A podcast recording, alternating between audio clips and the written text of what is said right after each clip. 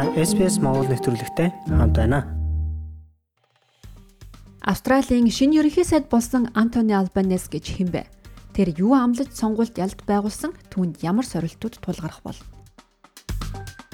Уур амьсгалын өөрчлөлтөөс эхлээд цалин нэмэх, эмэгтэйчүүдийн асуудал, олон улсын цагаачд гээд сонгуулийн амлалтаа биелүүлэх сорилттой түүний засгийн газар нүүр тулгарч байна. Сонгуул нэгэнд дуусч бүх зүйл тодорхой боллоо. Одоо ялалт байгуулсан хөдөлмөрийн намын тэргүүн Антони Албанес засгийн эрхийг гартаа авч мөрийн хөтөлбөрөөр биелүүлэх их хүлээлт дунд ажиллаа эхлүүлж байна. Яг энэ мөчид олон хүнээс ирэх нийтлэг асуулт шинэ ерөнхий сайд хинбэ? Тэр юу амлаж сонгуульд ялалт байгуулсан бэ? Эхний асуулт Антони Албанес гэж хэн бэ? Нийтийн орон сууцнд амьдардаг ганц бие ээжийнхүү Антони Албанес 26 жилийн турш Австралийн улс төр зүтгэжээ. Энэ хугацааны ихэнх нь сөрөг хүчний үүрэг гүйцэтгэж 6 жил засгийн газарт ажилласны дараа ийхүү улсын ерөнхий сайд хэмээх хамгийн өндөр карьертай хүрч байна. Улс төр түүнийг Албо хэмээн нэрлэдэг. Нэг онцлог зүйл бол Антони Албанес Итали гаралтай бөгөөд Австралийн түүхэнд анхудаа англи кельтик биш хүн ерөнхий сайд болж байгаа тохиолдол юм байна. Энэ бол олон үндэстний Австралид энэ улсад та юунд ч хүрч чадна гэсэн мессежийг илгээнэ гэж тэрээр хэлсэн. Сонгуульд ялалт байгуулсан Бям гаргийн орой ялалтын үгэндээ тэрээр улуураагийн тунхагийг зүрх сэтгэлээсээ биелүүлэхээ илэрхийлсэн юм. Та хинт саналаа өгсөн байх нь хамаагүй. Манай засгийн газар бүх хүний төлөө өдөр бүр хариуцлага хүлээх болно хэмээн ялалтын үгэндээ дурдсан юм а.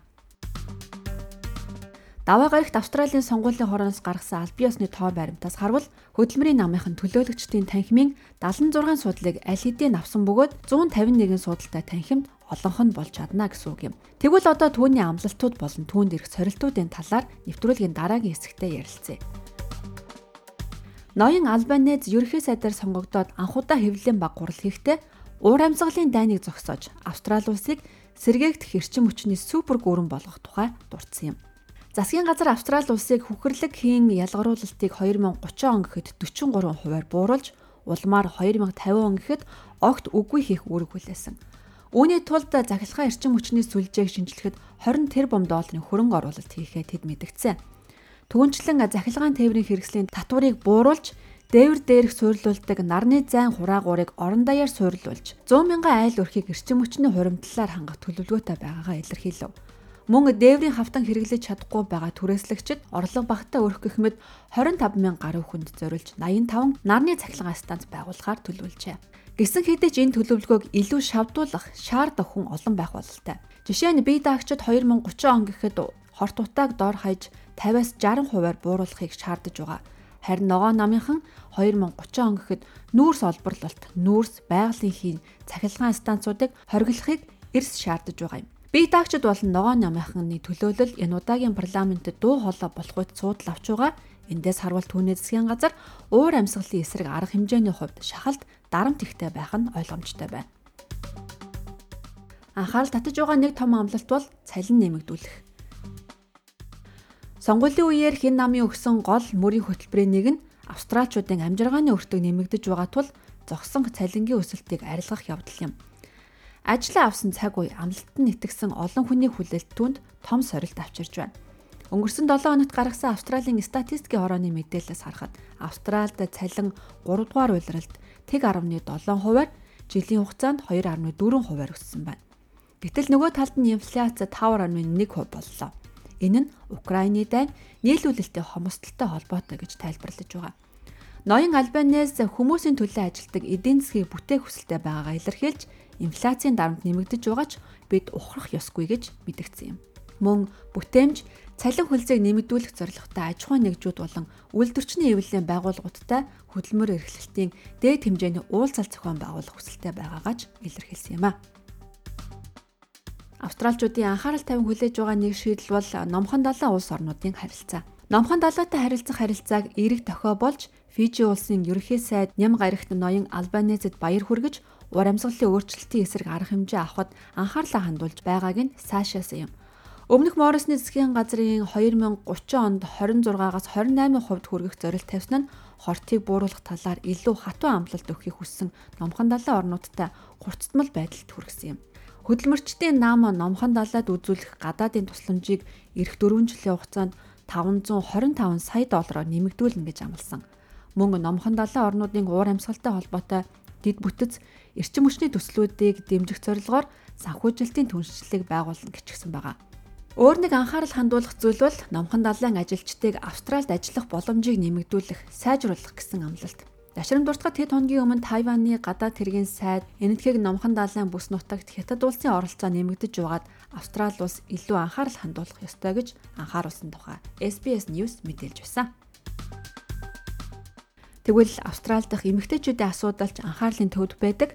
Ноён Альбанез мөн эмэгтэйчүүдийг үндэсний эдийн засаг, нийгмийн тэргүүлэх чиглэлд эмэгтэйчүүдийг төлхөө оролцуулах талаар сурталчилгаандаа баггүй ярьсан.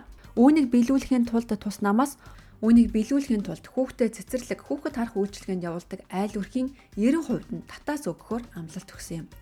Түүнчлэн Австральд эрэгтэй эмэгтэй хүний цалингийн зөрүү 13.8% таа байгаа гэсэн тооцоог Австралийн ажлын байрны гендрийн тэгш байдлын агентлаг гаргасан байдаг. Энэ зөрүүг арилгахад үндэсний хэмжээнд түлхэц үзүүлэхээ тэд амласан. Өөр нэг бодлого нь гэр бүл. Гэр бүлийн хүчирхийллийн эсрэг 10 хоногийн амралтыг хуульчлах явдал юм. Морисны засгийн газар ажил олгогчдод бэлгийн дарамтын эсрэг арга хэмжээ авахыг хуульчлахыг эсэргүүцэж байсан. Харин хөдөлмөрийн намынхан үүнийг дэмждгээрээ бас ялгаатай. Уугуул үндэснүүдийг хүлээн зөвшөөрөх бол австралчуудын хувьд дандаа анхаарлын төвд байдаг асуудал.